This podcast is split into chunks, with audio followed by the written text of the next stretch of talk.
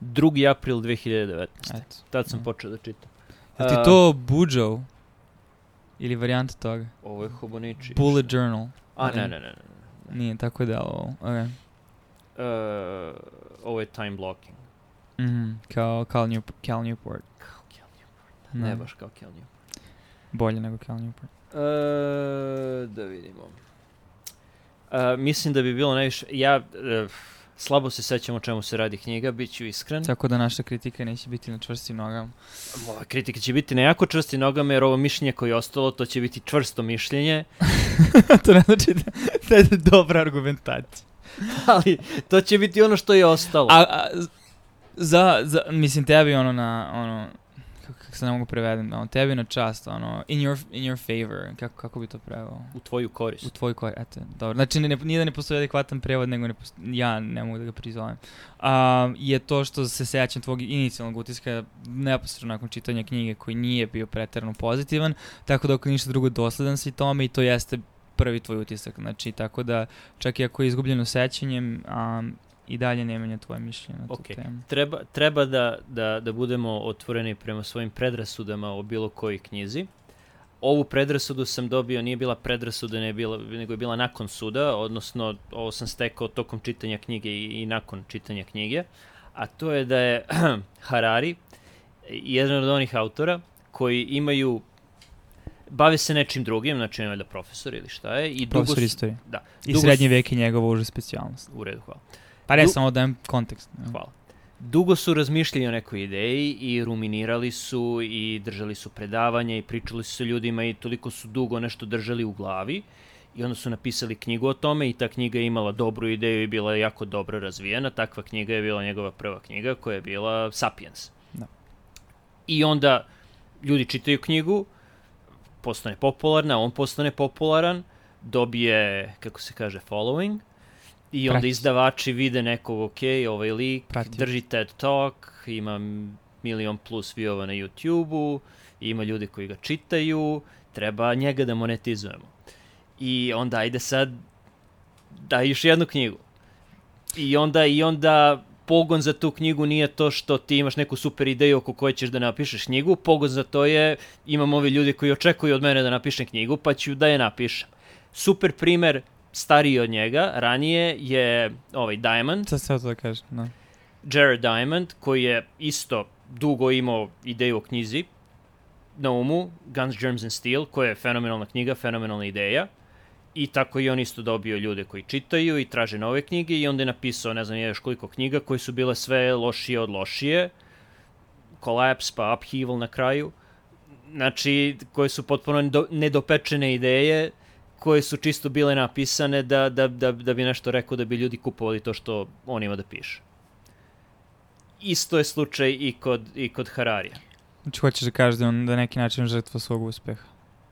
Uh, ne bih ga opisao kao žrtvu. S obzirom da je svesno ušao u taj ugovor.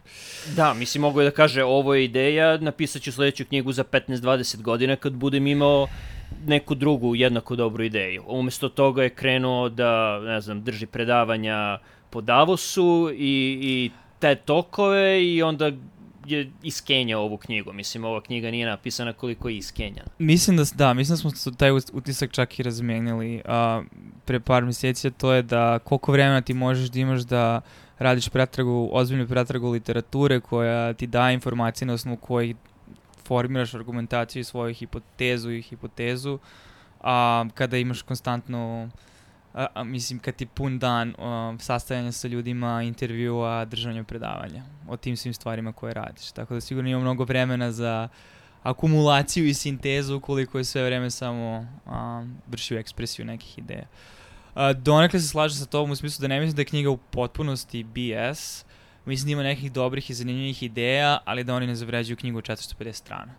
Da zavređuju možda jedan esej koji otvara, znači ono, ili ono, čak mislim ne postoji se to, ono, čak ne može da bude na nivou a, monografije s obzirom da bi opet ima trebalo da ima adekvatne citate, njegovi citati su ili ovaj press release-ovi uh, laboratorija ili ono science pop, pop, popular science web sajtovi ili YouTube. Um, tako da u tom smislu može zavređuje neki esej filozofskog karaktera koji onda otvara dalju diskusiju. Jesi od 20 strana, recimo. Ovo je dovoljno jedan blog post. Možda serija blog postova. Serija blog postova.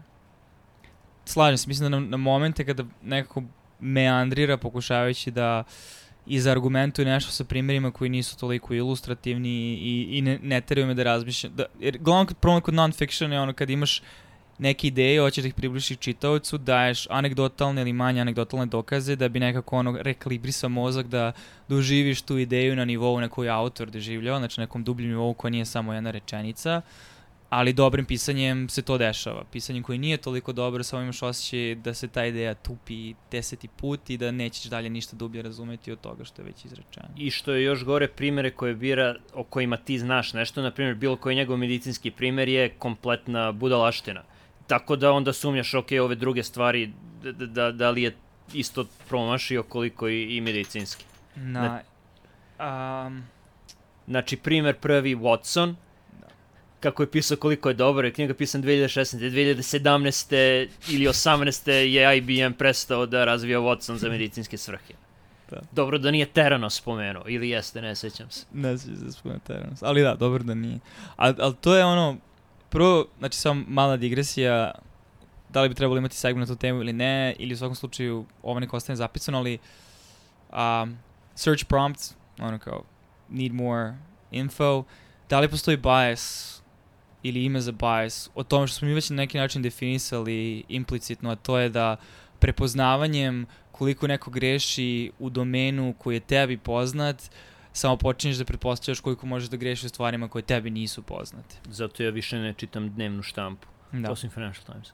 Da, da. Tako da u tom smislu, ne znam, postoji naziv za taj bias ili, ili, ili barem tu grešku u razmišljanju. Ali to, zašto je to greško u razmišljanju? To ne, je ne, pokušam, ispravno razmišljanje. Ne, ne, ne, pokušam da redefinišem u smislu... Heuristika, to je heuristika. To jeste heuristika. To je heuristika, čitam, čitam u Wall Street Journalu neku potpuno BS nutricionističku studiju u BS časopisu, kafa je XY, automatski znači bilo što je u Wall Street Journalu, lakše ti je da eliminišeš, to ti je dobra heuristika. Ako ovo nisu mogli da izaberu kako treba, mislim šta, šta, šta onda mogu da pišu o komunikacijama, I opet mala digresija koliko se oslanjamo na svoje poglede na svet i osjećaj znanja o svetu na osnovu takvih vrsta mišljenja. Apsolutno. Svi mi. Tako da niko nije imao na to, samo su različiti nivoji um, kompleksnosti tih ideja, ali zaista niko ne ulazi previše duboko. Možda Tyler Cowen, možda on čita malo više na tu temu. Um, ok. Dakle, knjiga je dugačka i prepuna nejasno um, definisanih ideja, um, ali zašto je bitna? Bitna je zato što je čitaju milijarderi, zato što diskutuju toj knjizi. I, Toliko ljudi milijarderima. Koji, pa da, ali to su ljudi koji donose odluke, koji onda potencijalno se održavaju na um, policije, koji onda na politiku. I još, politiku. Jedna, još jedno ograničenje srpskog jezika, ne postoji, uh, ne postoji razlika između politics i policy. Da. Da. Prim, primenjena politika, ne znam mislim. Zakona, zakonodavstva nije, naći ćemo reći. Um, Da, politika, politika neke kompanije, politika neke stranke, politika ekonomska neke politika. Ekonomska politika, da, da. da monetarna politika, da. Da, po... Trebalo bi da postoji politika i politikanstvo. politikanstvo Mislim da je lakše da. ono što mi sad razmišljamo pod politika da je u stvari politikanstvo, a da. politika da. je politika. Politika, politika. Da, ali u tom smislu čini se da je čak ono mali kao ono malo ljubavno pismo svim tim milijarderima koji žele da žive što duže i žele da upgraduju transhumanistički svoje tele i žele da nastave da budu elite i žele da upgraduju svoje decu zato što i samim tim sve ovo što on piše ovde, iako je možda bazirano na nepotpunim istinama, jeste u domenu želja grupa pojedinaca koji možda kad bi imali dostupno, mislim, Walt Disney se zamrzao, mislim, tako da sigurno postoji ta želja za besprtnošću koja jeste on definisao na početku ovci su za šišanje. Da.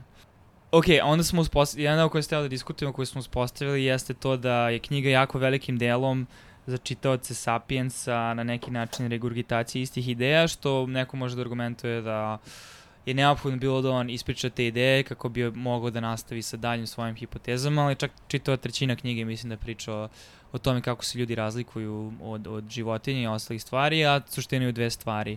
Prvo, sposobnost a, verovanja u ideje, a, to jest da možemo da se ponašamo u skladu sa nekom idejom koja ne odražava nešto što je eksplicitno fizički, da li to bio novac, da li to bio identitet kompanije, nacionalni identitet ili bilo koji drugi identitet. I druga karakteristika, sposobnost ljudi da se organizuju na vrlo kompleksne načine um, sa strancima, znači sa ljudima koji nisu tebi bliski. Da su te dve stvari u Sapiensu dovele do, mislim, po znacima navoda uspeha ili dominantnosti ljudske vrste, a koji na neki način dalje priča o tome kako smo žrtve svojih ideja i o ideji humanitarizma. Da li sad želiš da nastavimo dalje, pošto čini mi se te neke drugi deo knjige u stvari priča o tom humanitarizmu i, i evoluciji religije kao takve i budućim religijama i onda se oslanje na šta nas čeka u budućnosti ili želiš da napraviš mini segment tri stvari koje su mi se svidjelo u knjizi Tri stvari koje ti se svidelo u ovoj knjizi. Čekaj, nešto ti se svidelo u ovoj knjizi. Ne, mislim da ima, ima nekih ideja koje, koje zaista ove, zavređuju pažnju. A, ajde, ajde, tri stvari koje su ti se svidelo u knjizi, molim te. Ok. Uh, na neki način mi jeste bila vrlo intrigantna ideja toga da sa sve, ve, uh, mislim, u tom segmentu da se bavi ljudskom religioznošću i potrebu za smislom i kako smo inicijalno nemajući uvid toliko dobar u fizički svet oko sebe, pripisivali, antropomorfizovali stvari oko sebe, stvarali bogove, stvarali religije oko toga i onda nastankom nauke smo u stvari ukrotili prirodu, bolje razumemo munje, bolje razumemo donekle vremenske promene, klimatske promene. Um, ali da neki način ta, ta, pozivist, ta pozitivistička mašinerija sve više uklanja smisao ljudi jer smo sve manje bitni u čitavom tom domenu, nismo bogom dani, nismo stvoreni za ovaj svet. I mislim da neki način smo tu oslanjeni na filozofiju egzistencijalizma koja je mislim ono, filozofija s početka 20. veka koja se javlja u jednom industrijskom društvu. Tako da tu nije rekao ništa novo. Um, ali na neki način mi se čini da je opisao i dalje tu potrebu i da ćemo i dalje imati nastavak religije. A zašto, zašto mi se sviđa donekle ta ideja stvari koje smo mi diskutovali ranije, to je da mislim da smo ono overrated, underrated, mislim da je nauka u naučno-popularnom i popularnom smislu overrated, u smislu da ono što ljudi smatraju naukom i pozitivističkim razmišljanjem nije to što oni misle i da pridaju previše težine i previše značaja uh, znacima navoda naučnim otkrićima kao novoj religiji. I mislim da je to problem. To je neki način film s njegove ideja na koju imam nastavak. Slažem se, ali ne vidim kakve to veze ima sa knjigom. Ali, ali mi daje e, povoda da spomenem odličan blog, znači čovjek nije bio toliko ambiciozan da, da piše celu knjigu, mada će na kraju od toga ispasti knjiga, verovatno. David Chapman, koji ima nešto što se zove Meaningness, što mislim da je, pre, to, on je kao izmislio uh, reč, uh, ali reč na srpskom već postoji, mislim da je to smislenost. Ha. Dobro, može da se desi i obrat. Ali upravo priča o tome, o egzistencializmu, nihilizmu, ovominizmu, onominizmu i u savremenom svetu kako je potraga za smislom mnogo teža nego što je bila pre 200 godina. Da, meaningness. Uh, ništa samo treba da pogledaš. ok. Ali mislim da je to nasušna potreba ljudskog organizma koja postoji zbog ovih ili onih razloga, to je da ne možemo da imamo osjećaj poznavanja i znanja nečega ako ne uviđemo smisao u tome. I mislim to zvuči kao floskula ili platitude, ali uh, ovaj, definitivno jeste slučaj. Tako da makar zavarao svoj mozak da razumeš nešto, zašto se nešto dešava, što najčešće radimo, skoro svi naši modeli o stvarnosti su na neki način pogrešni. Um, ali neophodno je da bi mogo da konsoliduješ, konsolid, konsoliduješ te informacije i onda da ih upotrebiš na sve oko sebe. Tako da... Dobro, to, to je pr prva stvar koja ti se svidjela u sa knjigom. Da. Um, stvari um, mislim, dobro, nije toliko mi se svilo koliko se slažem sa nekim tezama, mislim, ne mogu kažem uh, da, naš, da, mislim, mislim možda čak i neutralno stalo je da nije, da nije kritika u smislu da ne mislim da je netačno, to je da, mislim, njegovo viđenje toga da koristimo sve više um, i sad opet, opet, je ovo vrlo in govoriti, mislim, neuralnih mreža, veštačka inteligencija, algoritama i znam da Miloš sad prevrće očima, ali u domenu toga prikupljanja podataka o ljudima i upravljanja um, um, mislim, na, pom, na, pom, koji pomažu nama da donosimo odluke, sa druge strane neki način nas i manipulišuje, vrlo reflektovano kroz, mislim, čitavu diskusiju izborima 2016. šta ljudi rade na Facebooku, um, na koji način ono stvari koje su ti prikazane su deo tvog babla i samim tim imaš lažnu sliku, sliku sveta o tome s obzirom da je vrlo ograničena i dizajnirana slika sveta, ali sad to nije nasumična slika sveta koja ide od glasila propagandne mreže određenog režima, nego je to, mislim, ono deo neke kompanije u Silikonskoj dolini i bezličnog, besvesnog algoritma koji ti distribuira nešto samo da bi ti zadržao duže na toj stranici da bi gledao reklamu. Uh, tako da mislim, mislim da na neki način slažem se sa tezom da će toga biti sve više i da će sve više kompanija prikupati podatke o ljudima i koristiti ih za donošenje odluka i mislim da je to jedan nezaustavljiv proces koji opet treba ispitati na nekom nivou jer uh, se javlja taj domen etičnosti, društvene odgovornosti, socijalne, mislim, kolektivne odgovornosti. U redu. Uh, aha, znači ja sam samo govorim što se ja sviđa, na, šta se, šta, s čime se slažem, ili, ili pa ti praviš da, komentar no, ako misliš da treba komentar, ili... Ja ću praviti komentar kada mislim da je potreban komentar. To me, što si sad rekao, podsjetilo na još jednu stvar koja mi se ne sviđa u sa knjigom, tako da ću ja, nakon ove tvoje tri stvari koje su ti se svidele, da, da ti kažem tri stvari koje mi se nisu svidele u vezi sa knjigom. Dobro, ne, ajde kažemo ako tri stvari s kojima se slažem, da, okay. da reformulišemo to, ti onda možeš kažeš kojima se možda ne slažeš, koje ti se nisu svidele, imam ja stvari koje se meni nisu svidele, okay. ili s kojima se ne slažem. Dobro, A, ali, ali ja se slažem sa tvojom tačkom broj 2 da, da, apsolutno sve što si rekao. Da.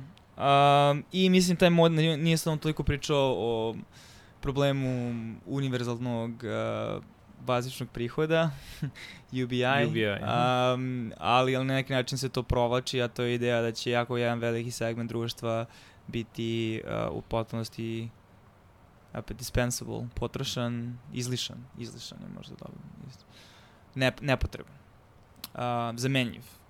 Um, Sa tim se verovatno ne slažem. Um, ali da postoji ta bojazan. Već ne slažem se zato što već imamo veliki broj ljudi koji je potrošan, zamenljiv, nepotreban, ali oni su zapošljeni u administraciji. Tako da je to Dobro, naš... to, to je rešenje. Tako da daj, je to daj da PowerPoint da oni... prezentacije i da pišu glupe izveštaje za sve Absolutno. rastuće birokratije različitih organizacija. Oni hleb nasušni zarađuju proizvodnjom mailova, znači to je njihova proizvodna jedinica i PowerPoint slajdova ne, ne, ne, ne prave njihov, njihova aktivnost svakodnevna, ne, do, ne dovodi ni do kakve promene u fizičkom svetu, ani u umovima ljudi, osim u izazivanju gneva. U tome su dobri. Proizvodnja e-maileva i, i gneva, da. da. To je ta, tako da, da, ljudi koji nisu potrebni za će biti pravi zamajeni. posao će postati administratori. Da. da li to dobro ili loše, ne znam. Ne mislim da je dobro. E, tako je kako je.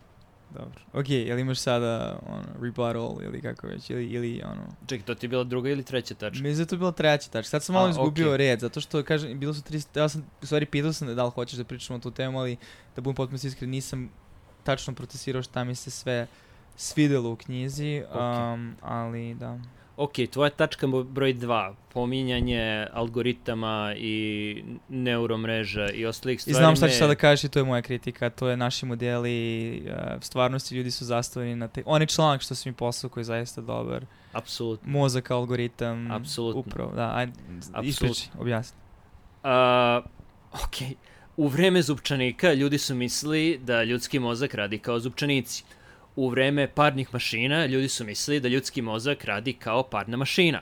Tako da mi, uh, I don't know, you're venting, tako da otpuštaš se, tu je neka napetost, para koja se kupi u tvom mozgu i ti je otpuštaš.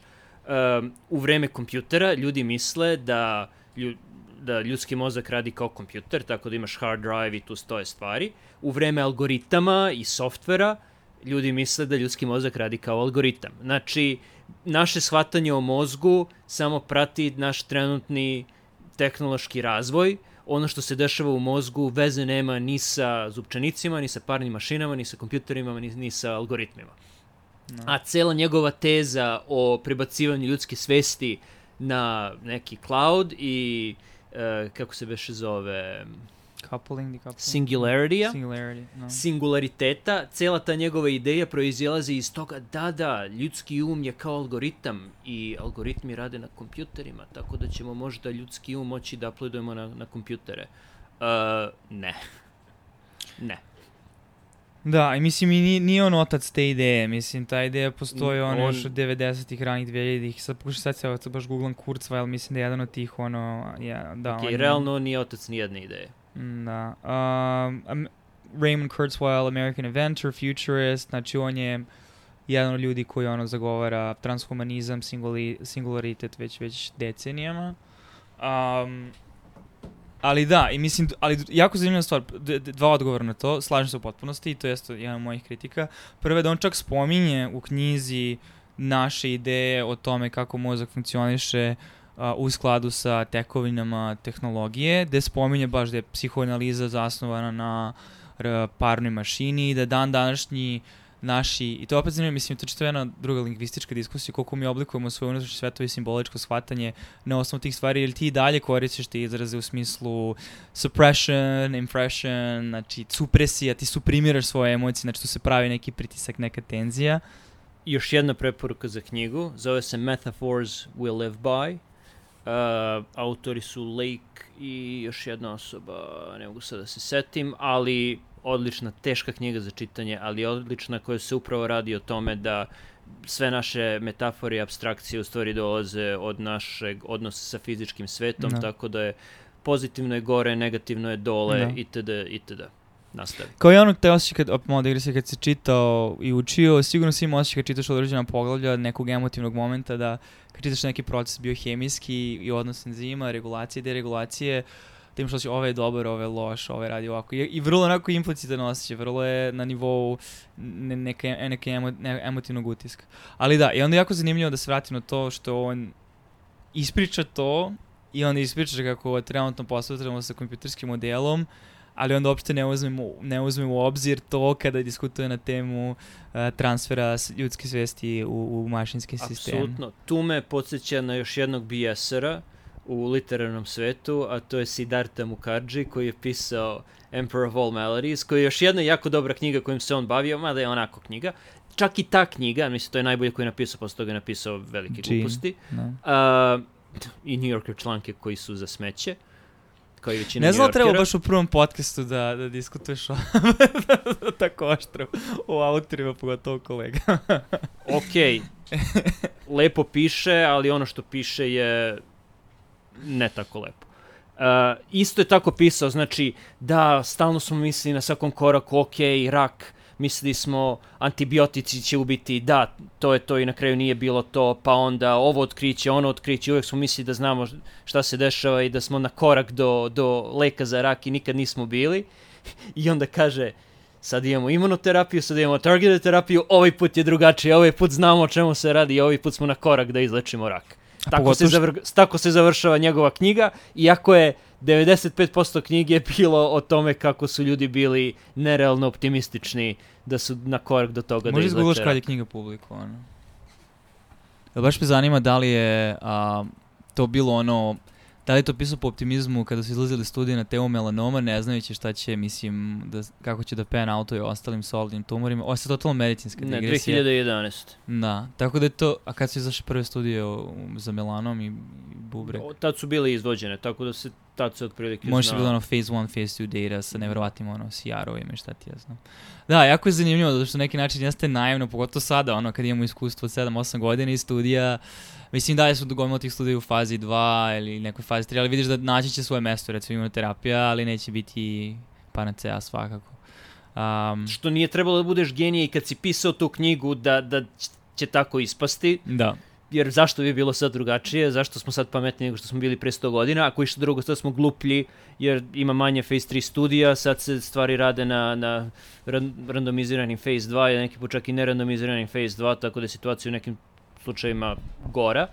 Ostavimo to za neku to drugu za neku drugu, zašto to sad to tako da kažem. Um, I sad mi je pobegla misao, ali teo sam se vratiti na to da ipak mislim da postoje dve teze koje mogu da se razdvoje, tako da malo ja sad eto branim a, Hararea. Um, je to da bez obzira što možda nećemo mi moći da se uploadimo, mislim da će opet na neki način u domenu Turingovog testa algoritmi i neuralne mreže postati to sofisticirane da će u potpunosti moći da imitiraju određene domene ljudske kognicije. Možda ne čitavu kogniciju um, u jednom obliku, ali određene domene. Da li to bilo kreiranje muzičkog dela, što sad već moguće, kreiranje a, modularnih a, stambenih objekata i tako dalje i tako dalje. Tako da u tom smislu to, i, i primere toga već vidimo sada, ali a, mislim da opet i sad to se ostanjem na onu, tu našu grešku, razmišljenju, tu našu potrebu donekle za smislom i za jednostavnošću, to je da kada god ulazimo u te diskusije tog tipa, vrlo smo pod um, rizikom da budemo redukcionisti i da zato što neka ideja zvuči dobro i zato što ima smisla i zato što klikće, zato što je seksi ideja, um, da zbog toga misliš da je ta ideja tačna i da će biti uspešna kad se primeni. I ono što smo svedoci, mislim, čito isto ljudska civilizacija da je istina uvek nešto kompleksno, zato što postoje informacije koje ne znamo, s obzirom da, mislim, je svet kompleksan na previše nivoa da bismo mi to mogli da svedemo na jednu rezultantu koja je uvek apsolutna. Tako da uvek postoje variacije. A, tako i on, mislim, neki način da se vrati sa, sa, sa na taj domen ovaj, ljudske kognicije. Mislim da u velikoj meri, i sad je ovo sa biološke tačke gledišta, a opet mog ograničenog shvatanja svega toga, jer literatura na tu temu raste, što mislim u potpunosti ignoriše nasumično stvari koje već sada znamo da se dešavaju na citološkom i histološkom nivou i način na koji jedna ćelija komunicira sama sa sobom od nivoa gena pa sve do toga šta se dešava, a onda kako te ćelije komuniciraju među sobom. Ne, to nisu čvorišta 1 i 0, ne, to nisu dihotomije. Sama ćelija, mislim, modifikuje ekspresiju svojih gena na milion različitih nivoa koji tek sad počinjemo da uviđemo i sad ne pričamo u čitavom domenu epigenetike i koliko je to sada seksi ideja i da je opet objašnjenje za sve, ali da, mislim da ljudi pocenjuju koliko su ti organizmi na mnogo različitih nivoa kompleksnosti i samoorganizovani i međuorganizovani da bi mogo da ih tek tako svedeš na silicijum i da objasniš kroz, mislim, ono, gateove um, kondenzator. Apsolutno. Uh, druga tačka koja mi se ne sviđa je njegov prikriveni uh, budizam. Uh, kada piše o religijama, sprda se sa hrišćanstvom, sprda se sa islamom, sprda se sa judaizmom, iako živi u Izraelu, ok.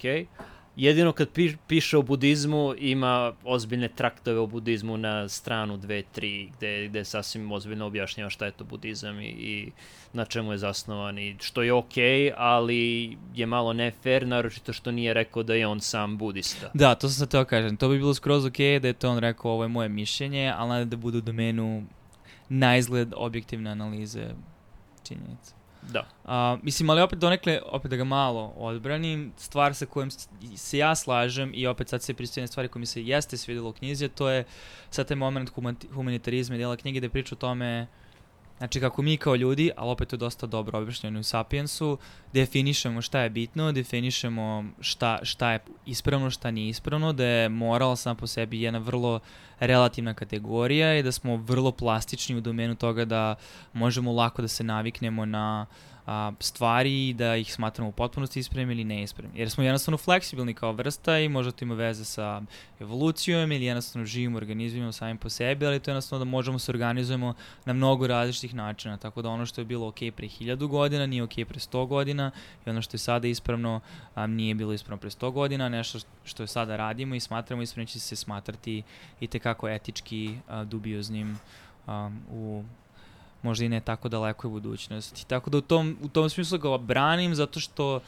budizam se na neki način osanja na to, osanja se na arbitrarnost a, naših definicija slobodne volje i ono, osnovama li, liberalizma da je sve na nivou individue, da je osnovna vrednost ljudska nezavisnost, ljudsk, odbrana ljudskih prava, ljudsk, ljudskog integriteta, a, koji se sad kao erodira, delimično argumentuje to time što pričamo o pravima životinja, stvarima oko sebe, znači nisu samo ljudi više bitni. Um, I da, mislim da, da od svih religija možda budizam jeste najbliže tome u smislu da prihvata jednostavno arbitrarnost organizacije fizičkih molekula i kako oni mogu da interpretiraju koje organizacije interakcije između istih molekula na kompleksan način su adekvatne, a koje nisu. Jer na kraju krajeva to jeste suština svega. To je da, mislim, mi svi vrlo, egzistiramo na vrlo diskretnim um, mislim, nivoima energije, koji su na kosmičkim nivoima mizerno smešni, ali iz nekog razloga smatramo da način na koji se te stvari organizuju, uništavaju kako se ta energija prenosi, sad ja malo ulazim previše u filozofiju, a, je na neki način pogrešna ili nije, ili treba da se dešava ili ne treba da se dešava. Ali da, tako da u tom domenu budizam možda oslobađa od tih okova, ali opet ne bi trebalo to da radi um, toliko prikriveno. Ne zato što sam ja budista, samo to ću kažem, zato što nemam ja ovde takođe konja za trku. Uh, ne znam ništa o budizmu, osim toga da kad sam bio na Tajlandu, video sam da budistički sveštenici jednako broje novac uh, koji im daju uh, njihovi vernici kao i sveštenici bilo koje druge religije. Istina.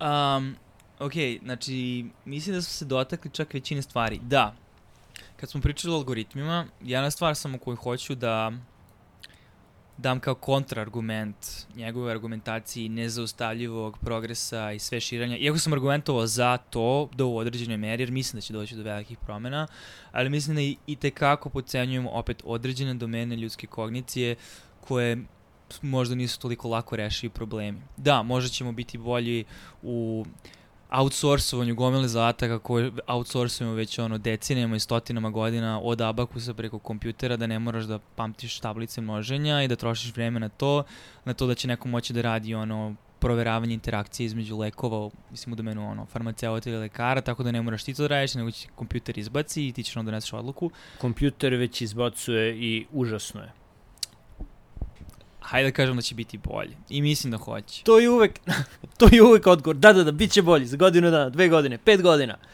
Sedam godina radim ovde, nije postalo bolje. Devet godina radim ovde, šta lupam?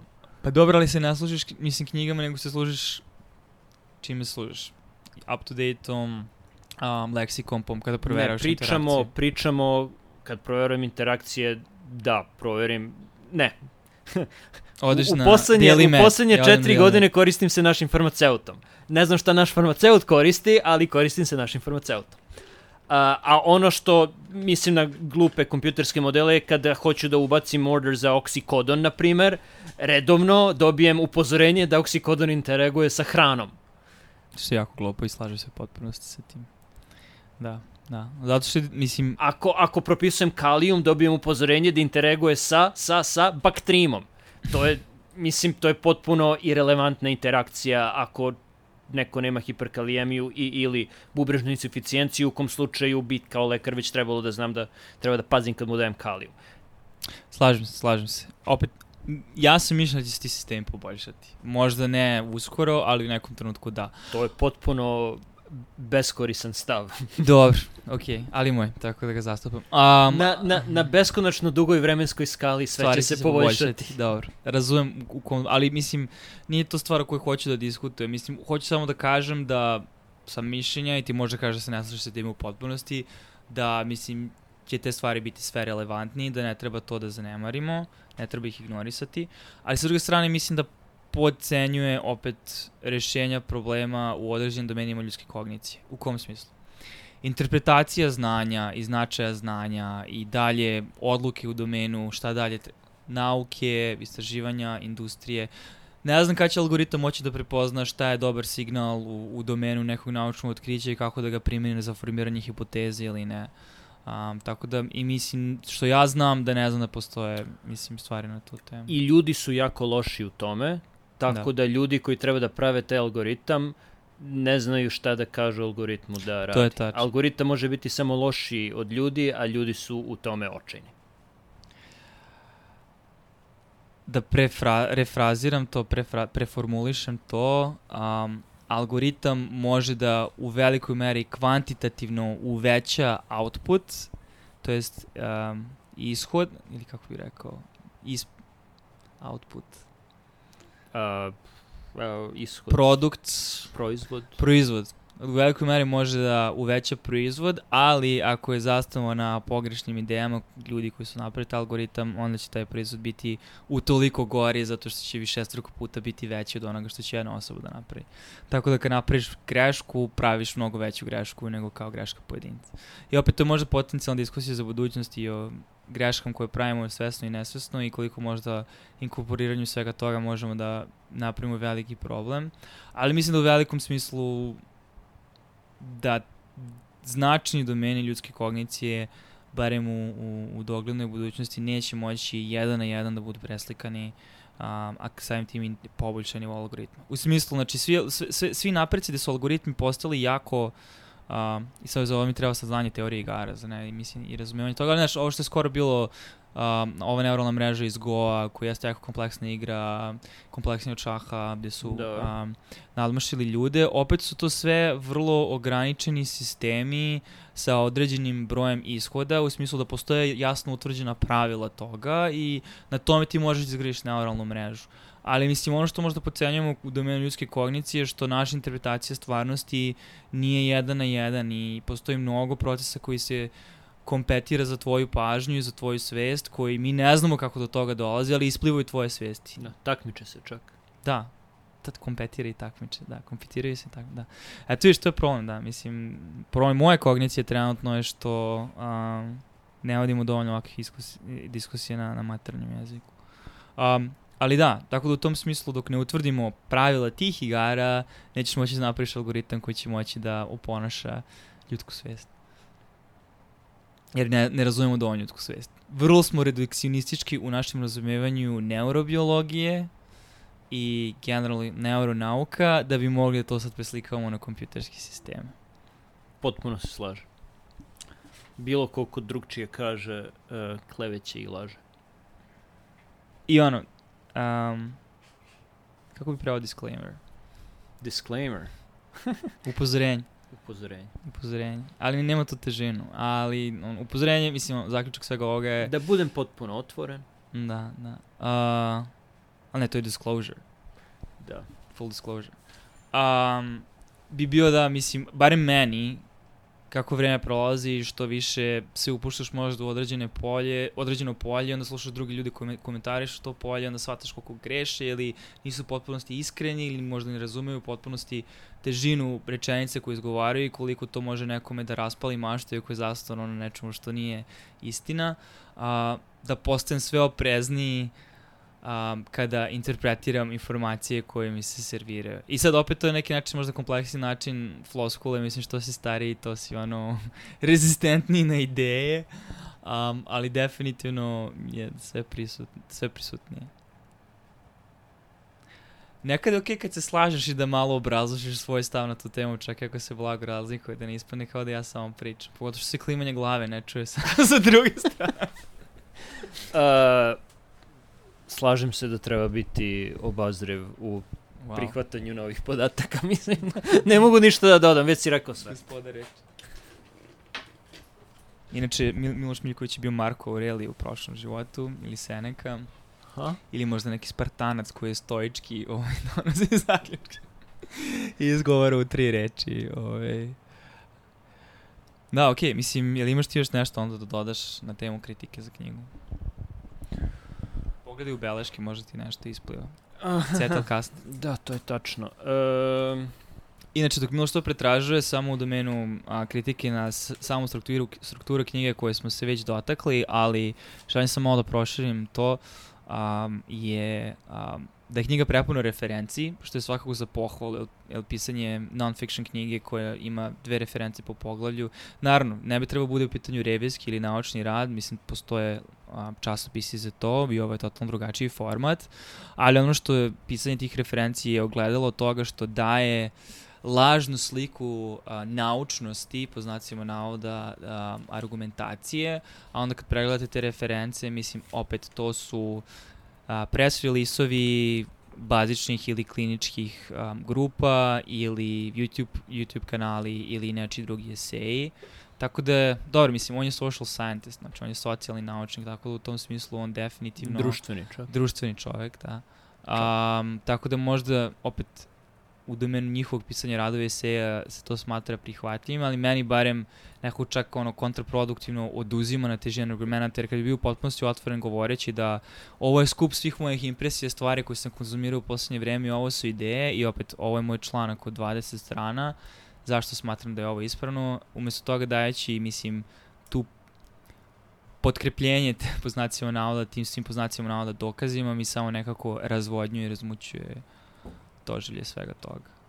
Mislim, si gledao one reference na kraju, ima ih, ima ih baš dosta, mislim, ali, ali opet gomila njih ja. I mislim, okej, okay, znači, citira naučne eksperimente i to, ali opet mislim da ih malo miscitira i pridaje previše značaja pojedinim eksperimentima, ignorišući krizu reproducibilnosti itd. itd. Mislim, pogotovo kad su do pitanje psihološki eksperiment. Da, e, mislim da opet što se tiče medicine, veliki deo knjige je pisan o tome kao da smo rešili sve zdravstvene probleme ljudi i medicina se više ne bavi lečenjem bolesti, nego se bavi da. upgradeovanjem ljudi, što je potpuna budalaština. Ne, ne znam odakle je to došlo, zato što je onaj lik ubrizgavao plazmide u šiće, mislim. Ne, ne, ne znam odakle mu to da se medicina sada fokusira na upgradeovanje ljudi. To apsolutno nije tačno. Premalo...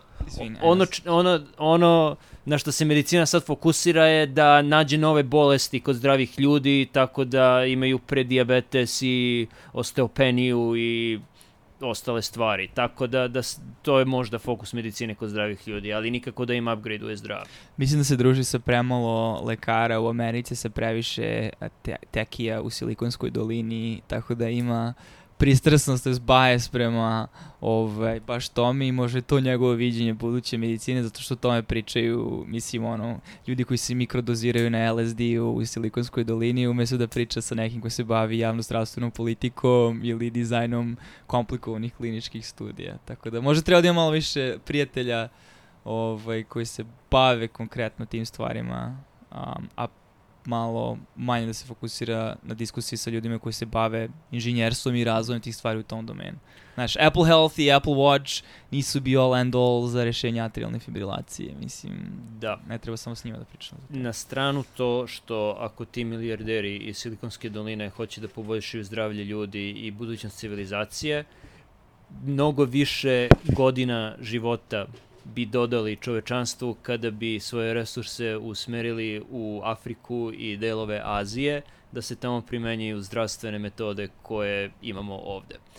Antibiotici i lekovi za rak za koje znamo da mogu da se izleče i vakcine protiv HPV-a, na primer, e, lekovi za hepatitis C, sve te stvari koje sada imamo, koje bi moglo da se prime, antiretroviralna terapija za HIV, Znači, kad, kad, kada bi novac usmerili tu, mislim da bi, da bi mnogo više pomogli čovečanstvo nego kada bi svoj život produžili i hiljadu godina.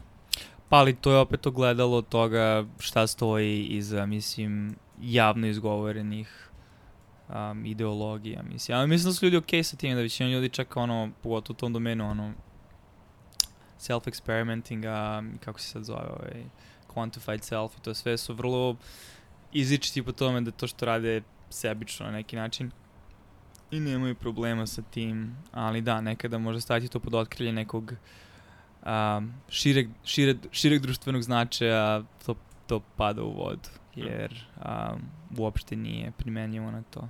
Da, to je baš dobar argument. Aj proširi malo na tu temu, mislim, uh, ako se uopšte možeš sad izvučeš još neke primere, ali baš si to dobro izgovorio kako um, njegova ideja medicine sada je da trenutno unapređujemo ljude, zastavno tome što živimo duže, mesto u stvari da dalje vrlo aktivno se trudimo da lečimo, izlečimo i ranije detektujemo bolesti. Ma da, medicina je, jeste dosta bolja nego što je bilo u početku, početkom 20. veka, ali to je, mislim, to su antibiotici, bolja higijena, par rakova koje možemo da izlečimo, ali 90% rakova je još uvek neizlečivo, gomila infekcije još uvek neizlečiva ili nedovoljno izlečiva. HIV još uvijek nismo izlečili, a dolaze nove bolesti, mislim da ima dosta bolesti na koje treba da se fokusiramo. To je, ne, ne treba da budeš genije to, do, do toga da dođeš. Još uvijek nemamo pojma šta dovodi do kardiovaskularnih oboljenja, šta dovodi do hipertenzije, ne znamo ništa o tome, šta dovodi do COPD-a, osim pušenja, i koji je mehanizam kojim pušenje dovodi do COPD-a, nemamo, nemamo, nemamo pojma o tome, koji su naši lekovi za COPD, još uvijek steroidi inhalirani na 200 miliona različitih načina. I antitela koje imaju upravo je danas izašao u njegovom journalu još jedan rad gde ne postoji Vidio nikakav efekt Yes. u COPD. Da. Tako da COPD je hronična obstruktivna bolest pluća. way. Tako da, da i, ima gomila bolesti koje, koje bi trebalo da, da možemo da izlečimo, a ne možemo. Pre nego što krenemo da unapređujemo zdravlje ljudi. Zato što ih ne razumemo i to sad opet, mislim, za, zašto volim onaj podcast um, Bedside Rounds, gde priča dosta o istoriji medicine i, mislim, iskustvima koje te nateraju da se zapitaš koliko ono što radimo sada je u potpunosti nepotrebno, čak i kontraproduktivno i šteti ljudima, a, ali pod idejom da smo mnogo toga napredili, da mnogo toga više znamo. Mislim, super je primjer, znači, steroide za obstruktivnu bolest pluće i gomila drugih stvari koje radimo. Ja se baš skoro zapitao o tome koliko mi kao ljudi koji pravimo greške u razmišljanju konstantno u svom kliničkom radu, sad imamo opet digresija, ali a, i možda povod za drugu temu, razgovor, podcast, um, u stvari imamo taj lažan utisak znanja i sigurnosti, a u velikom broju slučajeva ne znamo zašto je nekom pacijentu bilo bolje i imamo, kada su naše očekivanja ispunjena, to zapamtimo kada su naše očekivanja ispunjena, radili smo dobar posao, kada nisu ispunjena, pitamo se šta nije u redu i onda tražimo dalje, ali mislim da nemamo realan, objektivan, unutrašnji sistem samo procene i refleksije koji nam kaže ovaj broj puta si bio pogrešan zbog toga i toga, ovaj put si bio zbog toga i toga, zbog prirode posla i, i razumevanja stvari, mislim. Uzmi nešto najjednostavnije kao što je difuzni B-ćelijski limfom, DLBCL. B-ćelijski limfomi, ništa prostije. Mislim, daš im čop i izlečiš ih, jel da? Ne, zato što 30% ljudi sa DLBCL-om neće čop da ih izleči i onda ima još par stvari koje može da probaš i možda će 10-20% od ostatka biti izlečeno. Ali mi pojma nemamo ni unapred ni unazad zašto je neko odgovorio na čop, zašto neko nije odgovorio na čop. Čop koji postoji već 40 godina, 30 i više. Uh, pojma nemamo zašto ta kombinacija tih lekova deluje. Zašto deluje u limfomu, a ne deluje u raku pluća. Da. Jer ono što kažeš, ok, utiče na deobu ćelija. Pa, misli, sve ćelije raka se dele, zašto ne utiče na, na, na druge? Pojma nemam. Da, mislim da je to opet jako naš veliki problem koji može te potrebe za, za traženjem smisla, to što jako volimo da retroaktivno um, racionališemo i ispričamo dobre priče zašto je do nečega došlo, iako je veliki broj tih otkrića slučajan i, i zanemarujemo sve negativne situacije u kojima stvari nisu dovele do jedan, jedan, jedan model, um, ovo je bio Shane, Shane Parrishov podcast um, i ovaj, Knowledge Project um, i mislim da je gost sada bio CEO DuckDuckGo-a kad su pričali o njegovim mentalnim modelima, mislim da je on spomenuo taj model, a to je a, model planine. Znači gde a, ti vidiš nekoga, ti vidiš planinu koja je na 1000 metara od tebe i misliš, a ovo je baš visoka planina, ja se nalazim na zemlji, ne shvatiš i da si ti na 9000 metara, a ta planina na 10.000 metara.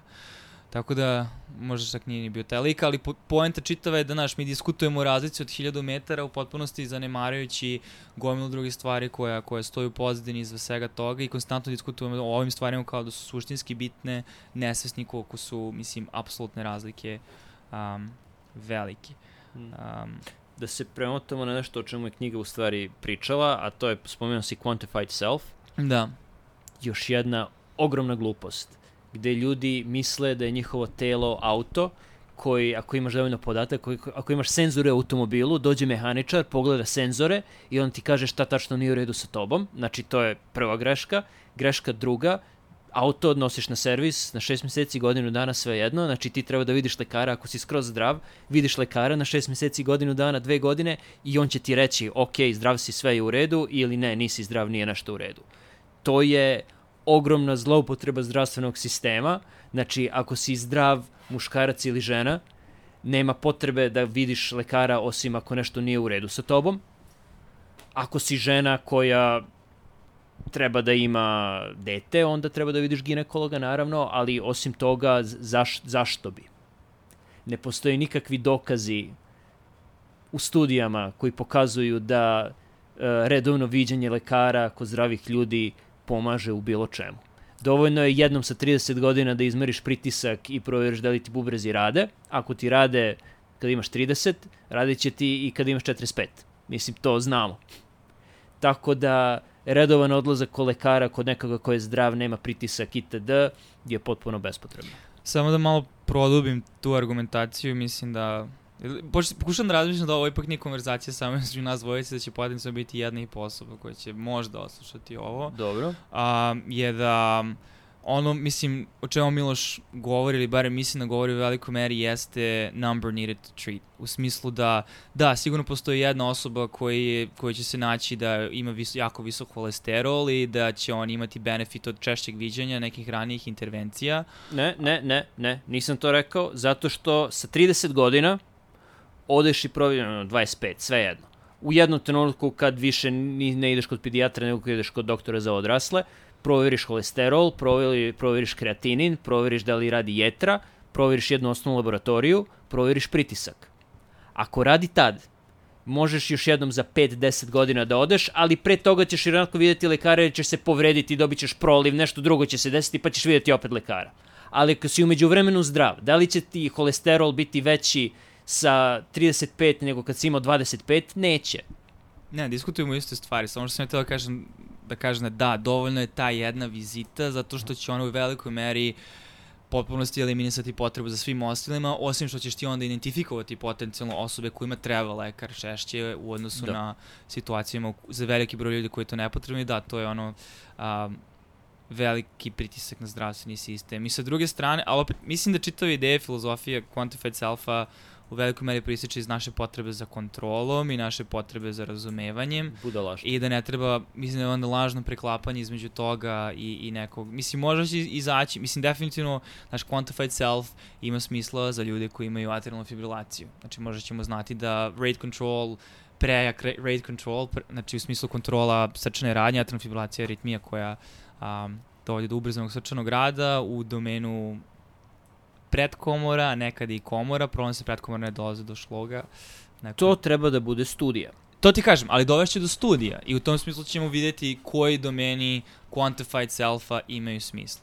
Znači osoba sa 70 godina koja je na imunosupresivnoj terapiji sa takrolimusom, ako postoji neki način da mi se meri kreatinin van klinike, to će imati smisla. Znači da preduprediš, mislim, oštećenje bubrega, hipertenziju koji može dovesti do vrlo negativnih ishoda.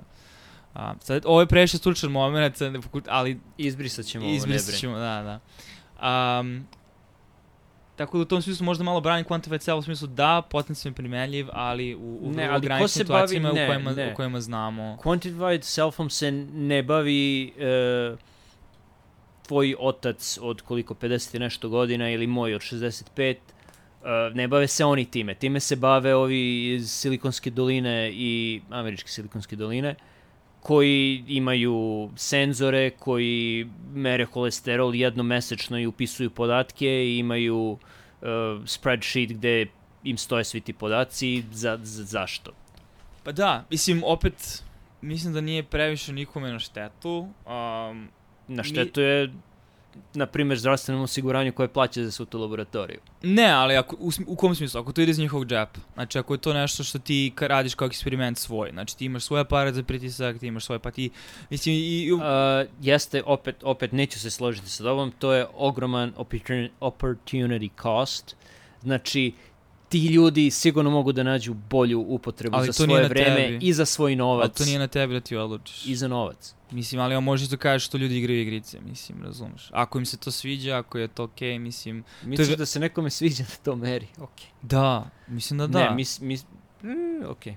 Mislim da ljudi misle da će to da će im to koristiti. Mislim pa da, da, zato ljudi to rade. I iz potrebe za osjećajem, za kontrolom. Niko i... ne igra igrice zato što misli da će im koristiti. Ne, ali zato što im prija. To hoću kažem. Znači, nekome prija da ima osjećaj kontrole nad svojim životom i da je bolji, kvalitetniji, pametniji sposobniji od drugih, zato što provodi vreme unoseći stvari u tabelu, a, brojeći korake, zato što znamo 10.000 koraka ne znači ništa i da je to ono BS, mislim, broj, ali ok, ako možda u određenom procesu ljudi koji ne izlaze iz kuće uopšte i, i sede u kolima po ceo dan, tih 10.000 koraka znači nešto, ali za većinu zdravih normalnih ljudi ne znači ništa. Tako, znaš, u tom smislu njima je to bitno, njima to znači. Ko što je nekome bitno da uh, filtrira svoje proizvode na organske i neorganske, iako potencijalno ne znamo koje su ramifikacije toga, kao što je nekome bitno da razumeš, on provodi vreme igrajući igrice, iako je to veliki oportunni trošak Tako da mislim u tom smislu da ne treba se uvijeti, možda će izaći nešto dobro od toga, ali, ne, ali to treba ići iz džepa tih pojedinaca. Da se vra... imaš nešto da dodaš povodom knjige još? Ne, ne. Ok, da se ja samo vratim samo na još jednu stvar, um, a koja je donekle kritika, a nadovezuje se jer sam malo se izgubio onoj metafori oko dva, dve planine sa 1000 metara razlike, a jedna je na 9, druga na 10.000.